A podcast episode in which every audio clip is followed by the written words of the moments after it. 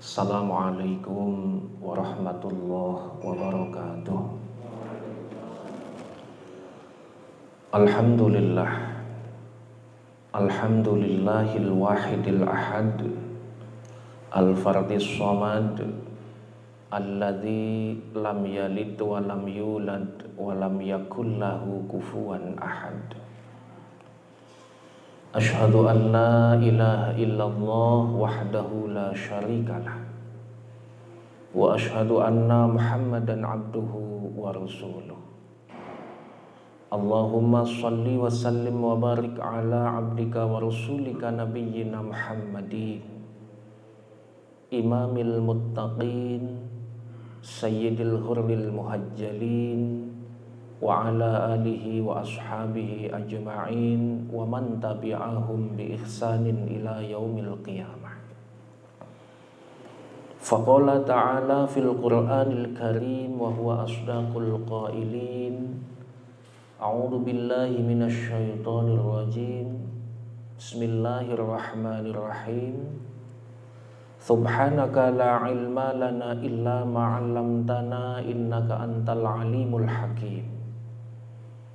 Rabbi shrah li sadri wa yassir li amri. Wahlul 'uqdatam min lisani yafqahu qawli. Allahumma inni asta'udi'uka ma 'allamtanihi. Fardudu ilayya inda kulli hajati wa la ya rabbal alamin. Faqala Nabi sallallahu alaihi wasallam taraktu fikum amraini ma ing tamassaktum bihi ma lang tadilu abadan kitab Allah wa sunnah rasulih Hadirin jamaah sholat subuh Masjid Utsman bin Affan yang saya muliakan. Alhamdulillah wa syukrulillah. Mengawali pertemuan pagi yang singkat ini Marilah kita senantiasa Meningkatkan syukur kita kepada Allah subhanahu wa ta'ala Yang telah memberikan kepada kita limpahan rahmat, nikmat, kesempatan, kekuatan, kesehatan sehingga pada pagi yang mulia ini kita masih menjadi hamba-hamba Allah yang terpilih untuk melaksanakan sholat subuh berjamaah. Dilanjutkan dengan taklim, insya Allah di tempat yang baik, dengan niat yang baik, tujuan yang baik. Semoga Allah senantiasa memberikan kepada kita kehidupan penghidupan dunia akhirat yang terbaik. Amin ya rabbal alamin. Salawat dan salam semoga tetap tercurah kepada junjungan kita baginda Nabi besar Muhammad sallallahu alaihi wasallam. Nabiyul huda war rahmah, kashiful ummah. Nabi akhir zaman, panutan umat, mustikanya jagat yang senantiasa kita ikuti sunnah-sunnah beliau.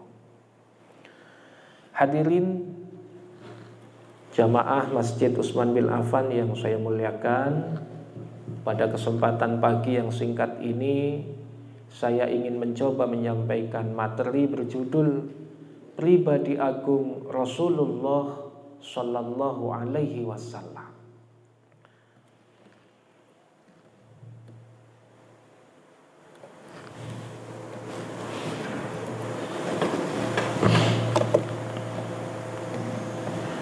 Hadirin, menjadi pertanyaan penting buat kita semua. Mengapa Muhammad Shallallahu Alaihi Wasallam itu kita jadikan sebagai sosok teladan paling sempurna hingga saat ini? Padahal nabi banyak. Padahal wali juga banyak. Padahal kiai itu ya juga banyak. Tetapi mengapa Rasulullah Muhammad Shallallahu Alaihi Wasallam itu kita jadikan sebagai teladan hidup paling sempurna hingga hari ini. atau mungkin hingga akhir zaman menjelang kiamat? Jawabannya tidak lain adalah karena tidak ada satupun manusia yang bisa menjadi teladan paling sempurna kecuali Rasulullah. Tidak ada satu manusia pun yang paling sempurna dan bisa dijadikan sebagai sosok teladan kehidupan kita kecuali Rasulullah. Di dalam Quran surat Al-Ahzab ayat 21 Allah berfirman Laqad kana lakum fi Rasulillahi uswatun hasanah. Liman kana yarjullaha wal yaumal akhir wa dzakkarallaha katsira. Sungguh kata Allah telah ada pada diri Rasul itu suri teladan yang baik contoh yang paling baik itu ada dalam diri Rasul yaitu bagi orang-orang yang mengharap rahmat Allah dan mengharap kedatangan hari kiamat. Dan dia banyak menyebut Allah. Hadirin, di sini ada kalimat lakot kana. Kana itu fi'il madi. Ketika dimasuki huruf qad maka maknanya menjadi litaukidi menguatkan. Jadi ayat ini memberikan sebuah pemaknaan dalam diri Nabi itu terdapat suri teladan yang baik. Dalam diri Nabi ini sungguh-sungguh dikuatkan dengan kata kot. Sungguh-sungguh di dalam diri Rasul itu terdapat suri teladan atau contoh yang paling baik. Ini yang pertama. Mengapa hanya Rasulullah yang menjadi teladan contoh yang paling baik di dunia ini yang menjadi sosok model karena Rasulullah itu dijadikan sebagai model oleh Allah untuk kita tiru, untuk kita teladani hingga akhir zaman ini. Beda nuwun sewu beda dengan kiai. Beda dengan dai, beda dengan ulama. Ini contoh teladan paling sempurna hanya Rasulullah. Mungkin nun sewu, mungkin orang yang paham agama, kiai, belum tentu bisa menjadi teladan paling sempurna. Karena banyak pun sewu dai mubalik ilmunya banyak tapi utang orang bayar akeh Pak. Kemarin ada orang datang begitu tapi ya kayak gitu. Ada kiai datang ke tempat saya utang orang bayar anu akeh. Ini oleh karena itu Allah berfirman laqad kana lakum fi Rasulillah uswatun hasanah. Ini kiai, Pak. Utang orang bayar, apa maning sing ora patek kiai. ini ya Allah, ini model. Rasulullah dijadikan model oleh Allah sebagai teladan hidup untuk kita semua. Yang kedua, Pak. Ada seorang tokoh orientalis namanya Mikhail Hart. Beliau menulis 100 tokoh paling fenomenal di dunia. Ini seorang orientalis Yahudi sing sengit banget maring Islam. Ini beliau menulis buku judulnya 100 tokoh paling top, paling fenomenal di dunia. Dari 100 tokoh ini diurutkan nomor satu Muhammad Sallallahu Alaihi Wasallam. Padahal sengit banget maring Islam, menentang Islam, Yahudi, tetapi beliau objektif menilai Muhammad Shallallahu Alaihi Wasallam sebagai tokoh nomor satu, tokoh teladan paling top. Nah, ini. Mengapa demikian? Karena beliau seorang ilmuwan yang menilai yang pertama. Beliau menilai ajaran Rasulullah bisa bertahan hingga hari ini sampai akhir zaman. Nah, ini. Sampai hari ini ajarannya beliau itu dilakoni bertahan boten bubar. Beda mungkin dengan ajarannya Mahatma Gandhi. Ya untuk sezamannya saja. Beda dengan Siddhartha Gautama. Sudah habis pengikutnya itu. Sri Bathara Krishna misalkan. Dan lain sebagainya habis. Tetapi ajaran Rasulullah sampai hari ini. Sampai detik ini. Bahkan mungkin sampai menjelang kiamat. Masih bertahan oleh karena itu, Mikail Hatz menulis inilah contoh tokoh paling fenomenal, paling top di antara tokoh yang lain hanyalah Rasulullah Shallallahu Alaihi Wasallam. Ini yang pertama. Yang kedua, Mikail Hatz menulis tokoh nomor satu adalah Muhammad Shallallahu Alaihi Wasallam karena pecintanya semakin banyak.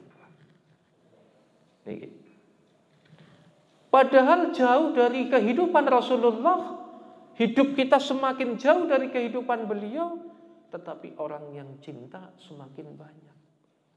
Ini kan contoh orang yang cinta kepada Rasulullah, jenengan kulo sami niki. Ngantuk-ngantuk, kadem-adem, sendean, karo mantuk-mantuk Ini kan karena cinta kepada Rasulullah. Bahkan sekarang itu saya kadang-kadang ke kota gitu ada jaket, jaketnya itu dengan PD di sini sallallahu ala Muhammad, di bawahnya ada tulisan Ahbabul Mustafa gitu. Cinta kepada pecinta Rasulullah. Ini di punggungnya begitu. Tertakoni wis salat Pak gidereng gitu. Ya luar biasa ini. Meskipun Yahudi, meskipun kafir, meskipun tidak sholat, ya tidak masalah anu jaket iki Pak. Nah, ahbabul Mustafa. Sehingga kehidupan kita semakin jauh dari Rasulullah, tetapi pecintanya semakin banyak. Orang yang cinta dan menghidupkan ajaran-ajaran Rasulullah semakin banyak. Ini yang kedua. Yang ketiga, Pak.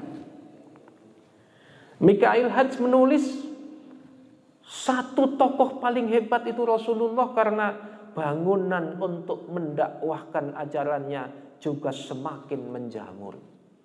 Kita hitung Pak Bu. Masjid semakin banyak, majelis taklim semakin banyak, pesantren semakin banyak, majelis zikir semakin banyak. Ini padahal kehidupannya semakin jauh dari Rasulullah, tetapi bangunan-bangunan untuk menghidupkan sunnah beliau itu semakin hari semakin banyak didirikan. Ada yang masjid, ada yang musola, anak sing masjid kegedean, anak sing masjid kesesekan barang. Kalau jamaah subuh biasanya masjidnya kegedean. Anggur maghrib kesesekan. Banyak luar biasa ini. Bangunannya semakin banyak. Yang keempat, kata Mikail Hatz, intisari ajaran Rasulullah itu diadopsi hingga saat ini. Dilakoni. Tidak hanya oleh orang Islam, tapi oleh orang non-Islam pun dilakoni ajaran Rasulullah. Mengapa orang Yahudi, orang orientalis, orang yang benci terhadap Islam, tapi suka terhadap ajaran Rasulullah? Ternyata ajaran Rasulullah itu ternyata fleksibel. Pro terhadap masyarakat semuanya. Saya kasih contoh Pak Bu. Rasulullah itu ternyata tidak anti dunia.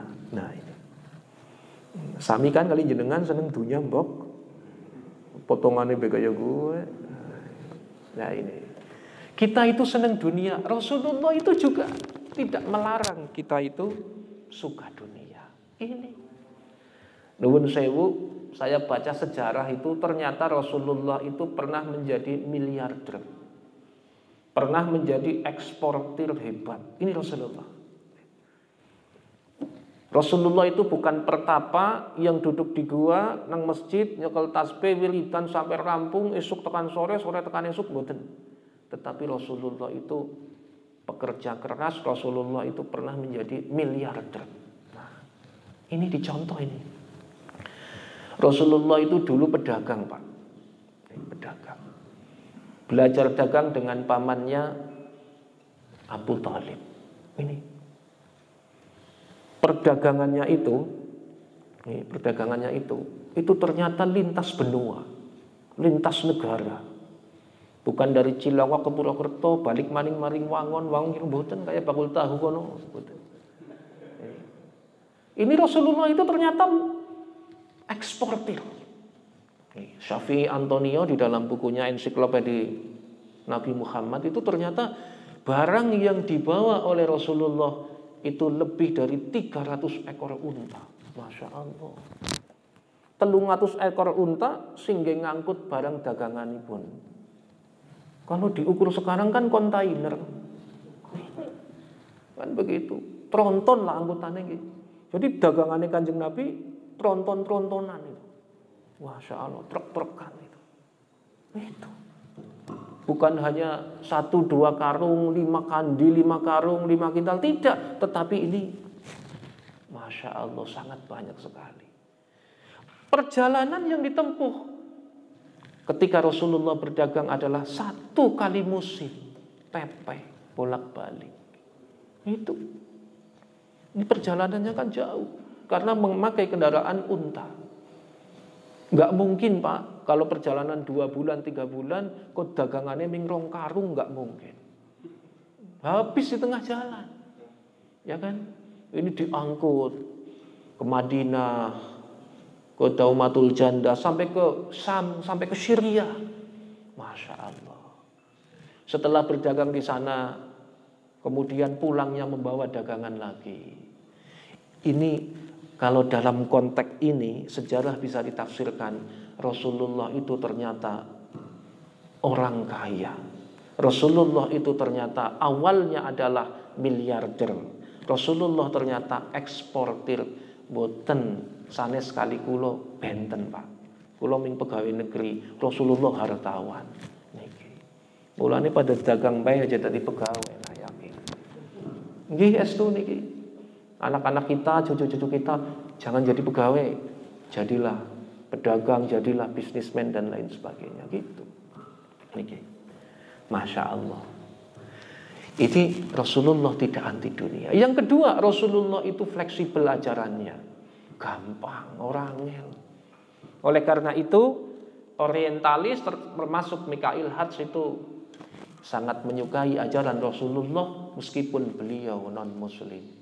Meskipun beliau adalah benci terhadap Islam. Bapak Ibu yang saya muliakan, nih kita masuk apa saja pribadi Rasulullah yang agung. Ini kita sedikit-sedikit kita tiru Pak.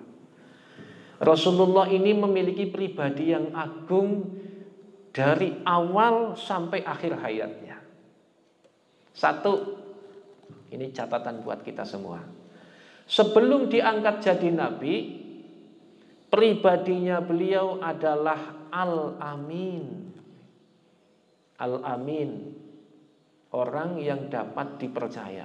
Bukan Al-Amin masjid ya. Al-Amin itu orang yang dapat dipercaya. Jujur, amanah pribadinya. Ini Rasulullah. Bahkan Al-Amin itu diberikan kepada beliau, dijuluki Muhammad, dijuluki Al-Amin ini pada saat usia muda. Niki nuwun sewu nggih. Ini menjadi pelajaran kita seorang dai, mubalik, kiai, pemimpin termasuk jenengan semua ini kan pemimpin. Ini harus punya kepribadian al-amin. Orang yang dapat dipercaya bisa dipegang ucapannya. Nuwun sewu, saya analogikan begini Pak. Motor bisa berjalan dengan selamat yang dipegang stangnya. Bukan kenal potnya Pak. Motoran kok nyeklik knalpot geseng. Mobil bisa jalan dengan selamat dipegang setirnya, bukan rodanya. Kambing ketika diajak berjalan yang dipegang talinya. Masa sikile, Pak. Manusia yang dipegang itu adalah lidahnya, omongannya. Ini jadi betul Pak, ajining diri sokolati itu betul menungso kuwi dicekel omongane ucapane. Jujur orane, amanah orane sing dicekel niku Pak.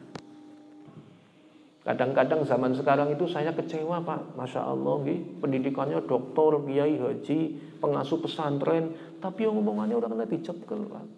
Isuk dele, sore tempe, dah. Saya garansinya, saya garansinya nanti. Bahasa wis hari hane, red. Ini saya ngelakoni sendiri ini, Masya Allah. Ini jauh sekali kita itu dari zaman Rasulullah. Sehingga kadang-kadang orang yang tahu agama pun tidak bisa dipegang omongannya. Ini menjadi pelajaran kita semua. Kita belajar menjadi al-amin.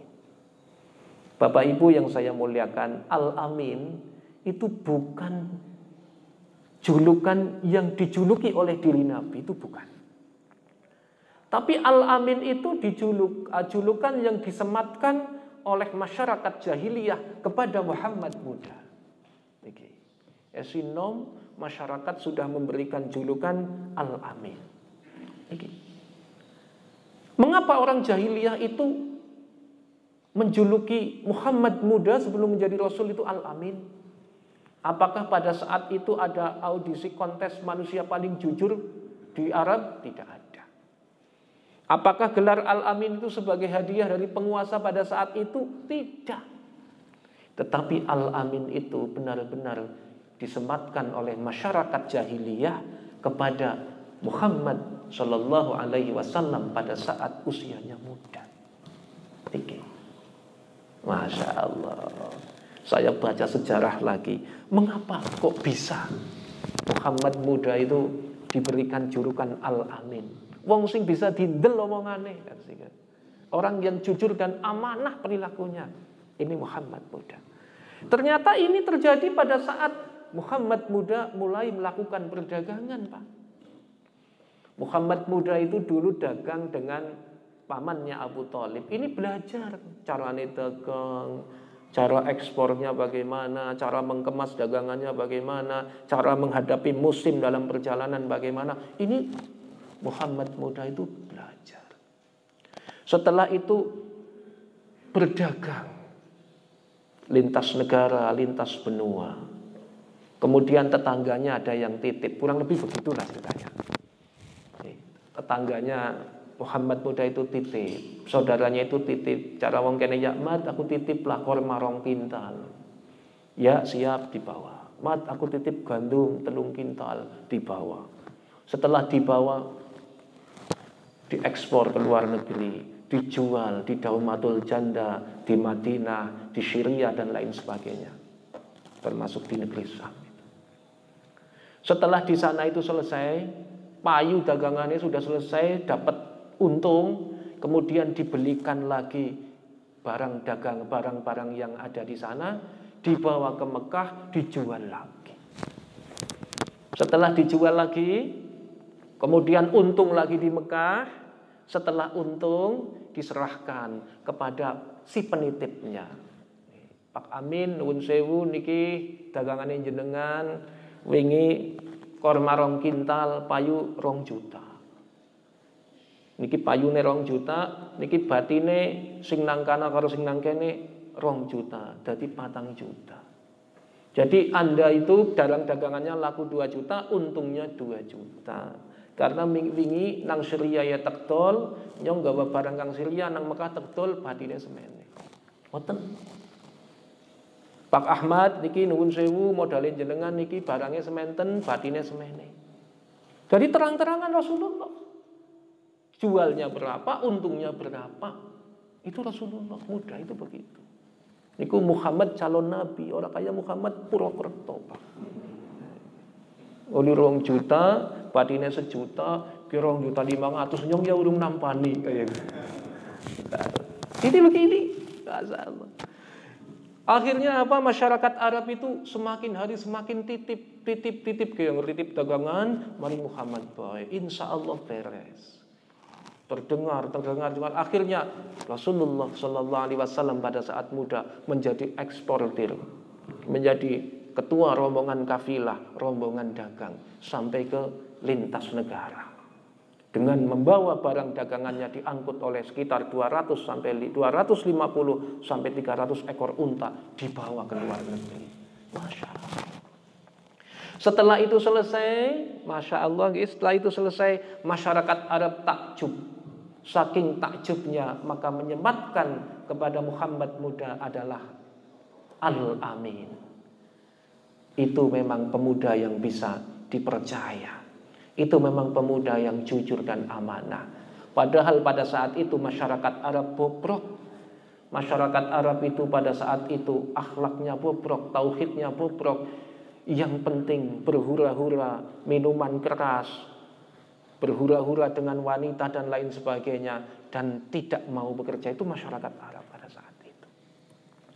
Atas kejujuran itulah maka masyarakat Arab menyematkan kepada Muhammad muda sebagai Al-Amin. Bapak Ibu yang saya muliakan, berita itu geger, Pak. Geger. Anak bocah nom kok bisa amanah, jualannya itu juga amanah, geger. Sehingga terdengarlah kepada telinga Siti Khadijah. Siti Khadijah niku mireng. Cerene ana bocah nom sing bisa tindel. Membawa barang dagangan lintas benua, lintas negara. Akhirnya Siti Khadijah itu tertarik sehingga bekerja sama dengan Muhammad muda. Muhammad muda diberikan amanah untuk membawa dagangan dari hartawan bernama Khadijah untuk didagangkan, untuk dikirim, untuk diekspor ke luar negeri. Tapi nuwun sewu Pak, Muhammad muda amanah, Khadijah pada saat itu sudah menjadi janda, tetapi Khadijah itu ternyata wanita pinter. Khadijah itu ternyata paham kitab Taurat, paham tanda-tanda kenabian. Ini hebatnya Khadijah. Setelah itu Siti Khadijah mengutus salah satu pembantunya, salah satu karyawannya untuk mendampingi gerak-gerik Muhammad muda dalam melakukan perjalanan dagang. Didampingi. Bahasa sekarang ya diteliti begitulah. Apa pun yang terjadi pada diri Muhammad muda dicatat. Oh itu. Ini perintah dari Khadijah. Perjalanan dagang dilakukan karyawan salah satu karyawannya Siti Khadijah itu mencatat. Muhammad begini, begini, begini sampai kepada titik ketika berjalan Muhammad ketika belum menjadi rasul itu ada awan yang selalu memayungi dirinya beliau di atas kepalanya begitu setelah itu selesai direkod direkam lah direkam perjalanan dagang pulang catatan penelitian diaturakan Khadijah wahai Khadijah bosku ini catatannya dari pribadi Muhammad Sallallahu Alaihi Wasallam.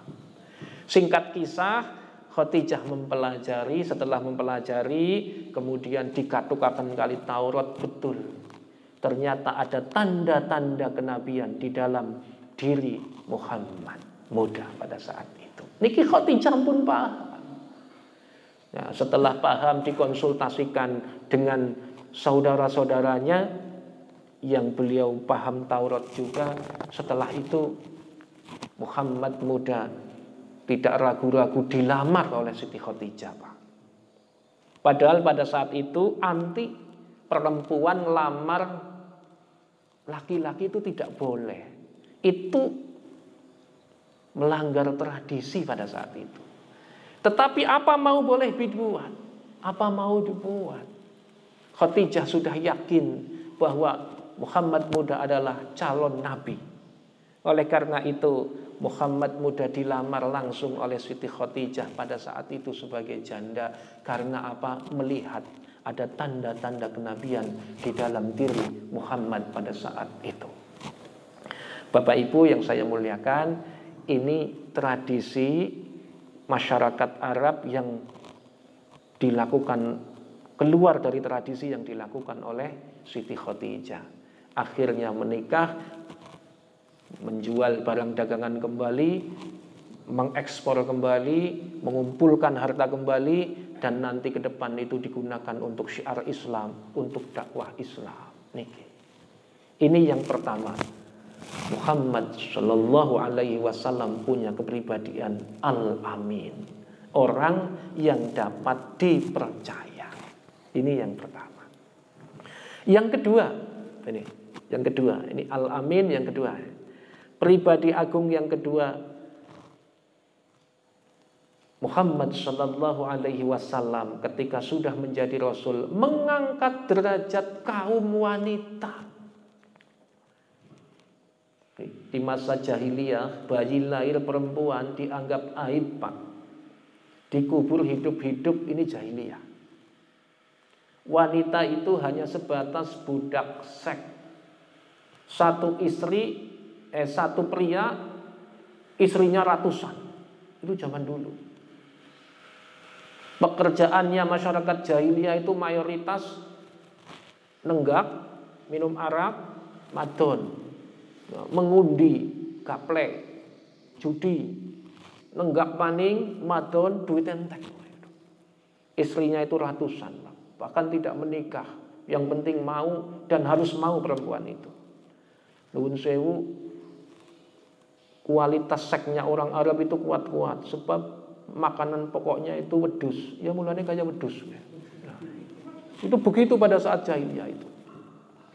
Wanita itu pada saat jahiliyah itu tidak berhak menerima warisan.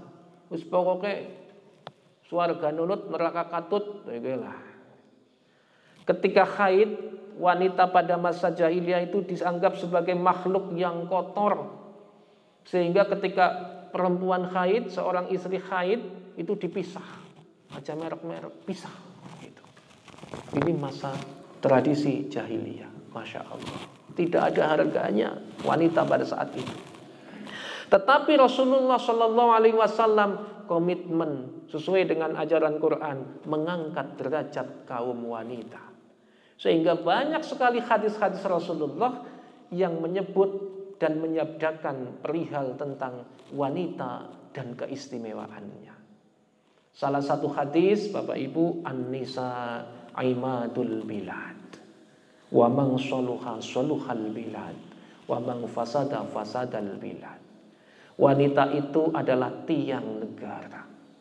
Jika wanitanya baik, maka negara ini juga akan baik. Sebaliknya, jika wanita bobrok, maka negaranya itu bobrok. Ini hebatnya wanita, Pak. Ini kata Rasulullah begitu. Wanita dianggap sebagai tiang negara, hebat. Bahkan lebih hebat dari jenengan semua. Kalau kita kan tiang jalan. Kalau wanita itu tiang negara. Oleh karena itu saya amati di Indonesia itu banyak istilah yang menggunakan kata wanita atau perempuan dengan menggunakan simbol ibu. Contoh Jakarta ibu kota, Indonesia Jakarta. Ya kan? Mekah itu Ummul Qura. Hari ibu ada di Indonesia, tidak ada hari bapak. Ibu negara, tidak ada bapak negara itu tidak ada. Dalam Quran itu ada Ummul Kitab, ibunya kita, Fatihah itu. Ya, ada istilah lagi kembali ke pangkuan ibu pertiwi. Tidak ada bapak pertiwi itu tidak ada. Ini asal muasalnya mungkin dari sabda Rasulullah An-Nisa Imadul Bilad bahwasanya perempuan itu adalah tiangnya negara kalau kita tiang jaler. Bapak Ibu yang saya muliakan, Rasulullah begitu memuliakan kaum wanita. Karena ada tiga tugas utama perempuan yang tidak bisa digantikan oleh kaum perempuan, oleh kita laki-laki ini. Ada tiga pekerjaan yang tidak bisa diwakilkan oleh siapa pun dan harus dilakukan oleh kaum wanita. Siji meteng, loro babaran, telu nusoni. Ini tidak bisa diwakilkan, Pak. Ini menjadi alasan para mufasir bahwa Nabi itu mengangkat derajat kaum wanita. Satu meteng atau hamil. Wong lanang bisa? Gak bisa. Paling-paling meteng gitu ya. Satu. Babaran, melahirkan, tidak bisa. Toh pati, nyawa taruhannya. Milani pun jenengan niku nek kalau istrinya itu sedang melahirkan ditunggu nih pak. Ojo udut dewek nang pojok. Ditunggu nih bagaimana jerih payahnya seorang perempuan itu melahirkan. Ya Allah, tahan napas, keluar napas kayak olahraga SN itu kan. Wah. Setelah itu ada macam-macam kendaraan. Ini nanti menjadi rahmah, menjadi jenengan itu menjadi tambah mengakui bahwa perempuan itu luar biasa. Urung tahu nunggu pak ya meteng maning lah. Kita kan jadi tahu begitu ya. Masya Allah. Yang ketiga menyusui. Wong lanang tidak bisa menyusui. Yang bisa menyusui hanyalah perempuan. Oleh karena itu Rasulullah mengangkat derajat kaum perempuan. Adalah hadis yang menyatakan al jannatu tahta aqdamil ummahat. Surga itu berada di bawah telapak kaki ibu. Ini maksudnya apa? Ibu itu menjadi penentu bahagia dan tidaknya seorang anak. Menjadi penentu bisa masuk surga dan tidaknya seorang anak. Ini juga ridhonya ibu. Oleh karena itu berbahagia bagi bapak ibu semuanya yang masih punya ibu. Niki jimat setunggal sing kudu direman, Pak. Wonten napa-napa nyuwun ridane Pak Bu, nyuwun ridane Ibu, nyuwun doane Ibu. Masya Allah ini. Insya Allah ces pelang niku. Nek ora ces ya mesti pelang lah. Ibu itu sebagai penentu. Oke. Rasulullah pernah ditanya oleh seorang sahabat, "Ya Rasulullah, Siapa yang harus saya hormati? Rasulullah menjawab, ibumu. Siapa lagi ya Rasul? Ibumu. Siapa lagi ya Rasul? Ibumu. Sampai tiga kali. Siapa lagi ya Rasul? Baru bapakmu. Ibu tiga tingkat, bapak satu tingkat. Ini. Mulanya jenengan aja mentang-mentang dari wong lanang, Pak. Ini ada keistimewaan di balik sabda Rasulullah. Termasuk Rasulullah memuliakan perempuan, kita juga harus bisa memuliakan perempuan.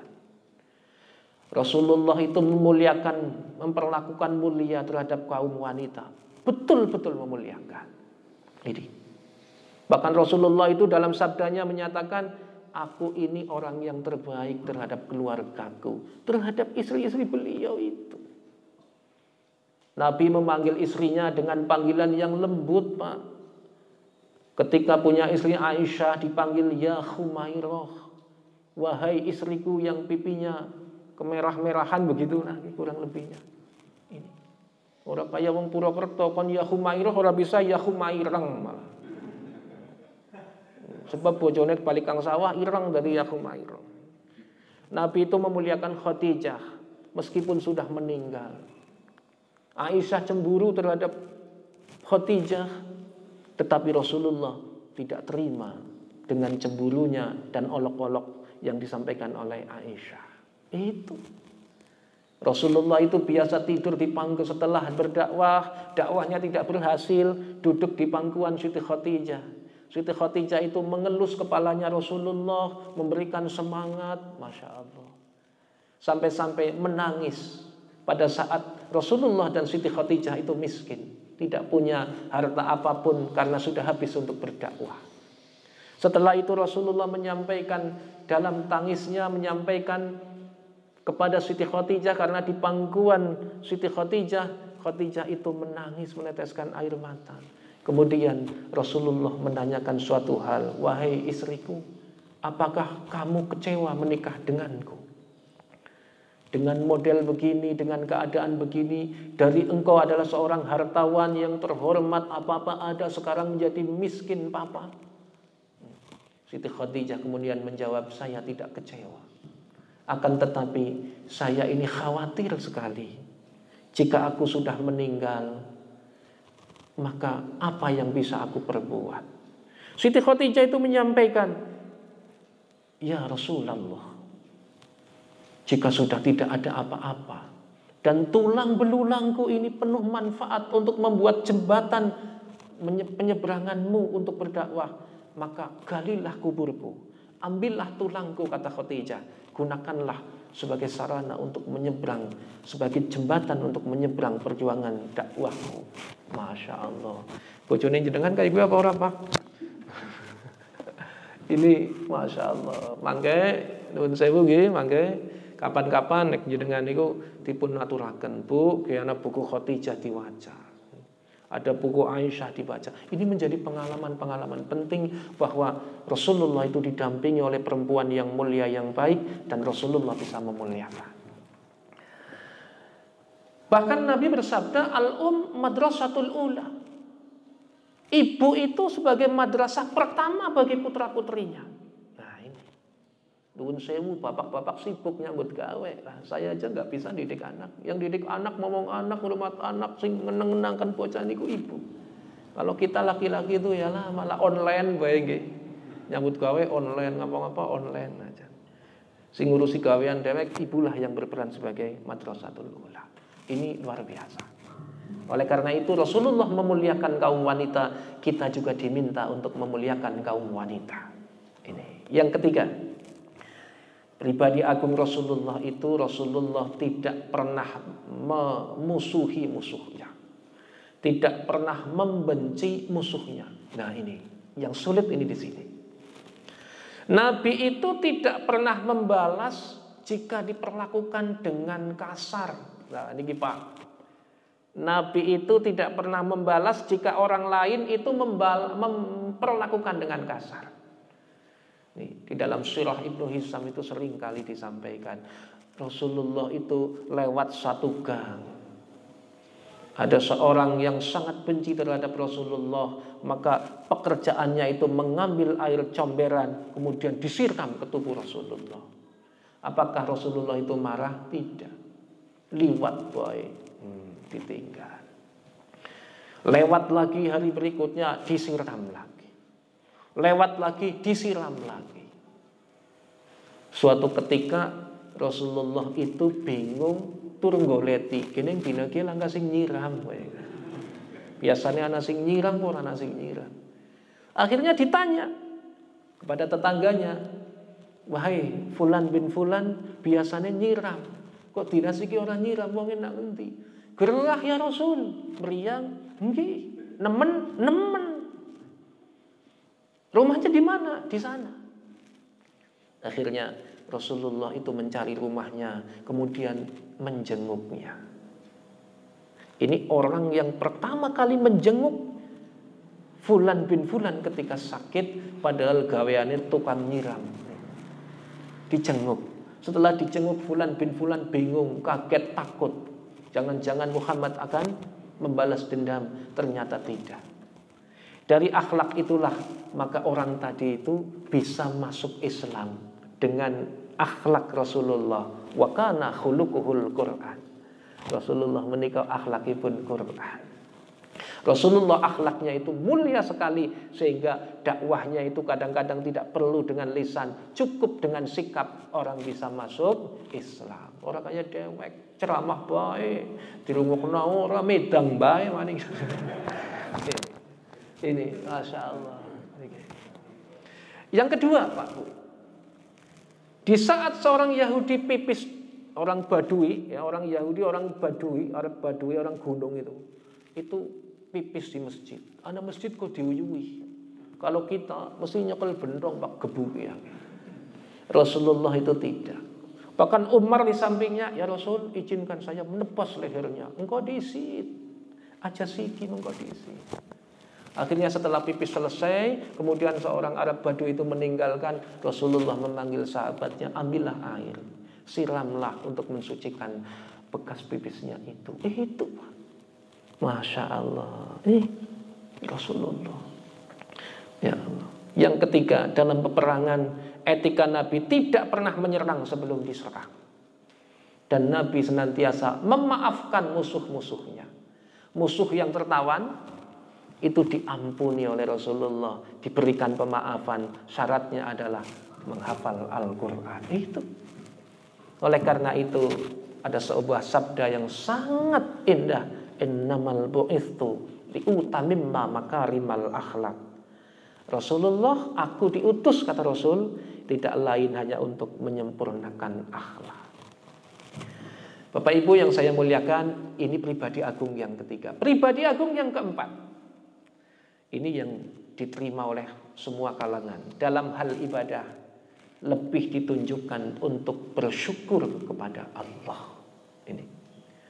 Suatu ketika, Siti Aisyah tidur bersama Rasulullah. Di tengah malam, Rasulullah itu bangun dan minta izin untuk sholat malam. Nuhun sewu jenengan nek tahajud pamit mboten kali bojone. Ya ora ya. Izin, wahai Aisyah, aku senang sekali malam ini kulitku menempel dengan kulitmu. Ini begitu. Tubuhku melekat dengan tubuhmu. Tapi aku juga senang sekali malam ini menghadap kepada Tuhanku. Begitu. Betul, indah banget mek pamitnya karo bojo, Pak. Masya Allah, orang tahajud kayak orang pelencing los lunga. Setelah itu, Aisyah menjawab, wahai suamiku ya Rasulullah, mengapa engkau capek-capek melaksanakan sholat tahajud, sholat malam sampai kakimu itu pada bengkak? Bengkak itu bukan abu tapi mufassir mufassirul hadis itu menyatakan bengkak itu ya kapalan lah begitulah. Patolen itu bukan abu bukan. Kemudian Rasulullah eh, Aisyah menjawab, engkau itu dosanya sudah diampuni baik yang telah lalu maupun yang akan datang. Engkau dijamin surga oleh Allah. Tetapi mengapa engkau masih sibuk beribadah, menyembah, menghadap kepada Tuhanmu di keheningan yang dingin ini? Wahai Rasulullah itu. Rasulullah kemudian menjawab, ya, bukankah aku ini belum menjadi hamba yang bersyukur. Itu. Saya ibadah malam ini tidak lain hanya untuk mensyukuri nikmat dari Allah. Karena nikmat dari Allah itu amat sangat banyak dan saya belum bisa berterima kasih atas limpahan rahmat dan nikmat dari Allah. Sehingga saya beribadah hanya karena syukur kepada Allah. Ini ibadah. Kemudian Nabi itu fleksibel, Pak. Ini pribadinya Rasul. Nuhun sewu saya ambil contoh ketika menjadi imam sholat. Nabi itu enteng. Ida amma ahadukumun nas fal yukhaffif. Fa inna fihi musaghira wa dha'if wa marid wa khajah. Ini dalam hadis begitu. Ketika engkau menjadi imam sholat, maka ringankanlah. Begitu. Karena jamaahmu, makmummu itu ada anak kecil, ada orang yang sakit, ada orang yang punya kepentingan dan lain sebagainya. Ini. Jadi nuwun sewu, jangan sampai kita itu melampaui Rasulullah. Artinya melampaui Rasulullah, sholat maghrib berjamaah, imamnya baca surat Baqarah. Ini namanya tidak fleksibel. Nuwun sewu. Ini makmumnya mesti gerusa-gerusu kabeh. Ya Allah, ya Karim, kapan imamnya mati ya? Karena imam ini tidak fleksibel. Nih, ini imam itu pun diatur oleh Rasulullah. Masya Allah. Kepemimpinan juga fleksibel. Dalam musyawarah juga fleksibel. Semuanya itu indah. Rasulullah ini. Dalam hal sholat fleksibel, akikoh saja itu fleksibel Rasulullah itu. Rasulullah itu menyampaikan kalau anak laki-laki itu dua ekor kambing kan begitu. Perempuan satu ekor kambing. Tapi ketika Rasulullah itu mengakikohi Hasan dan Husain dua ekor kambing. Ini hadis Bukhari Pak. Artinya apa? Ini ada hadis sifatnya adalah kauliyah dan hadis atau sunnah yang sifatnya fi'liyah. Yang kauliyah berarti disabdakan oleh Rasulullah kalau anak laki-laki itu dua, kalau perempuan satu, ini berarti kauliyah. Yang tak, yang fi'liyah Rasulullah juga melakukan kalau Rasulullah memiliki cucu Hasan dan Husain itu juga juga mengakikohinya dengan dua ekor kambing. Artinya apa? Ini makna tafsir hadisnya adalah ketika punya dua ekor kambing Kok lahir bayi lanang ya dua ekor kambing. Kalau ndak punya dua ekor kambing uangnya ngepas, ya satu ekor kambing. Begitu Pak. Tapi sing duit-duit aja ngaku ora duit duit. Lagi sing bahaya. Aja siji bae lah kayane duitnya kurang, lah kayane padahal mboten kurang. Ini Rasulullah ajarannya tidak memberatkan ibadahnya itu dilakukan karena syukur kepada Allah. Ini duduk-duduk di sini itu rasa syukur. Bukan karena ngeliat pahala, pahala itu urusan Gusti Allah, Pak. Tetapi syukur alhamdulillah dipalingi sehat. Alhamdulillah orang kena kondom corona. Alhamdulillah jangan bisa kayak kayak ini syukur kita kepada Allah. Bapak Ibu yang saya muliakan, akhlak Nabi terhadap anak kecil ini yang kelima. Masya Allah. Rasulullah ketika bertemu dengan anak-anak kecil, itu anak-anak kecil dikumpulkan. Ini. Padahal sudah sepuh. Dipanggil-panggil, ya hulam, Inni u'allimuka kalimatin. Ihfadillaha yahfaduka. Ihfadillaha tajidhu tujahaka. Wahai bocah-bocah cilik ini pada kumpul. Anak-anak pada kumpul. Kemudian diberikan nasihat-nasihat yang ringan. Jagalah kalimat Allah. Pasti engkau akan dijaga oleh Allah. Begitu. Janganlah lepas dari hatimu kalimat Allah. Maka Allah tidak akan lepas dari hatimu. Begitu. Masya Allah ini. Bahkan ada sebuah riwayat yang mengatakan ketika Idul Fitri ada seorang yatim yang tidak punya bapak tidak punya ibu menangis dibelikan baju oleh Rasulullah. Oleh karena itu sekarang itu anak-anak kecil kalau lebaran pada kepengen ditukar kena kelambi termasuk bapak. Ini dulu adalah contoh dari Rasulullah memberikan kebahagiaan pada anak kecil terutama yang yatim piatu. Suatu ketika Rasulullah ngimami sholat. Ada cucunya Hasan dan Husain. Ya, di dalam sujudnya Rasulullah itu tiba-tiba Rasulullah sujudnya itu sangat panjang. Setelah itu tahiyat akhir selesai, sahabat bertanya, "Ya Rasul, kok sujud ini dawa banget?" Kayak ingin apa sujudnya kok dangu sangat. Apakah baru turun wahyu ya Rasul? Rasulullah menjawab, tidak ada wahyu yang turun. Nanging kulo ngeboti, saya ngeboti cucu saya itu sedang bermain di atas punggung saya. Saya takut kecewa. Sehingga saya memanjangkan sujud supaya Hasan dan Husain itu puas bermain di atas punggung saya. Masya Allah. Nuwun sewu Pak niki pelajaran kangge kaki-kaki nggih. Nek duwe putu, nah, ditumpaki putune aja diciwit, Pak. Tapi orang apa ya kan siki. Masyaallah. Yang keenam, Rasulullah itu punya pribadi agung dalam beretika ketika makan. Rasulullah itu makan sesuatu dengan makanan yang di, yang dikehendakinya. Nek boten kerso, boten. Tapi uniknya Rasulullah tidak pernah mencela suatu makanan. Nah ini penting. Buatan kados kula jenengan niki. Apa Bu? Soto ah asin. Nah, apa Bu? Bakso lah paling bakso anyep. Ini. Masya Allah. Ini Rasulullah tidak pernah mencela makanan, tidak pernah meremehkan makanan. Tetapi ketika beliau tidak kereso terhadap suatu makanan, beliau tidak memakan. Bahkan suatu pelajaran penting Rasulullah itu mengajarkan kepada kita makan dengan tiga jari. Idza akala ahadukum bisalasin asabi'in. Nabi itu ketika makan dengan tiga jari. Masya Allah. Kalau kita makan dengan sendok, berarti orang cara kanjeng Nabi niku sendok. Boten. Maksudnya terus pundi? Tiga jari ini adalah simbol pelan-pelan, simbol sedikit demi sedikit tidak serakah. Mengapa? Karena daharannya kanjeng Nabi itu kurma. Tiga jari satu di dahar, satu di dahar. Coba kalau lima jari Pak. Wow, berarti serakah lima jari itu. Bagaimana dengan sendok? Boleh. Yang penting ampun irus Pak. Mudahar kalau centong buatin barang itu terlalu serakah. Pakai sendok pakai sumpit boleh silahkan.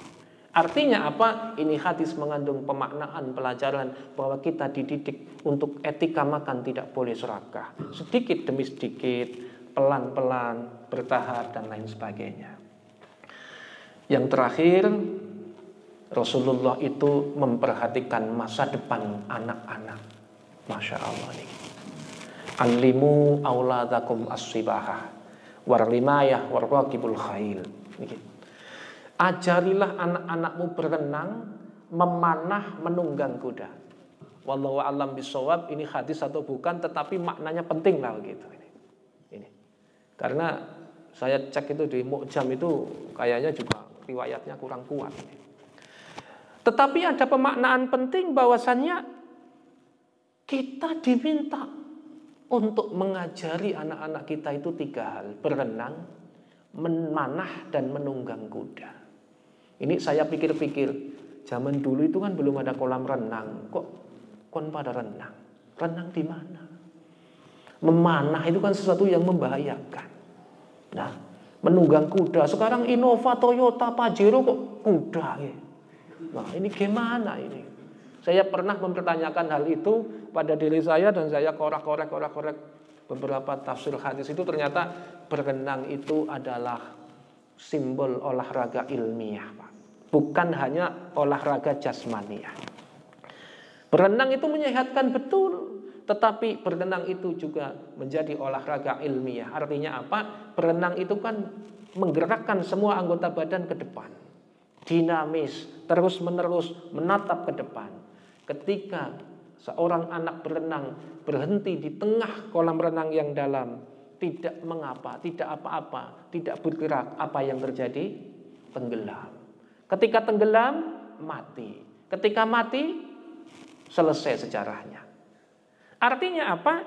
Ketika kita mendidik anak, maka ajak anak untuk berpikir dinamis, berpikir maju, menatap masa depan yang lebih baik, terus belajar, terus berpikir, terus berkarya sampai titik tujuan kolam renang itu titik sebagai titik tujuan akhir. Gitu.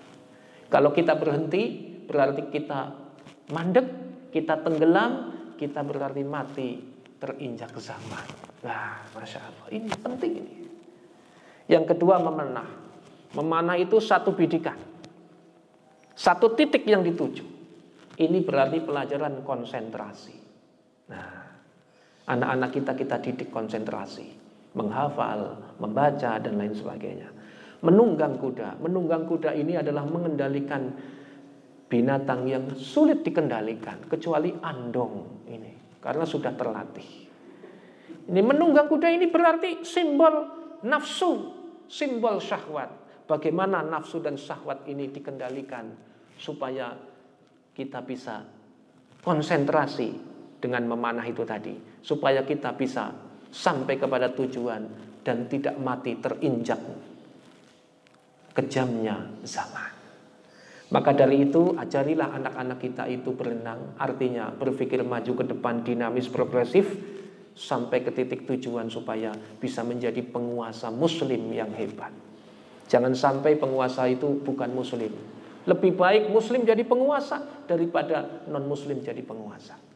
Kemudian ajari anak-anak kita itu memanah yakni konsentrasi dan ajari anak-anak kita itu menunggang kuda yakni bagaimana mengajari anak kita mengendalikan hawa dan nafsu supaya bisa tercapai tujuan sesuai dengan apa yang dikehendaki oleh Rasulullah Shallallahu Alaihi Wasallam. Paling akhir taraktu fikum amrayni ma in tamassaktum bihi malan tadilu abadan kitab Allah wa sunnah rasuli dua perkata dua perkara kata Rasul yang aku tinggalkan. Ada dua warisan yang ditinggalkan oleh Nabi yang insya Allah ketika kita akan berpegang teguh pada dua perkara ini akan selamat. Fitni wa wal akhirah yakni berpegang teguh pada Al-Quran wa sunnah rasulih Demikian yang bisa kami sampaikan, kurang lebihnya mohon maaf. Wa'afu minkum. Wassalamualaikum warahmatullahi wabarakatuh.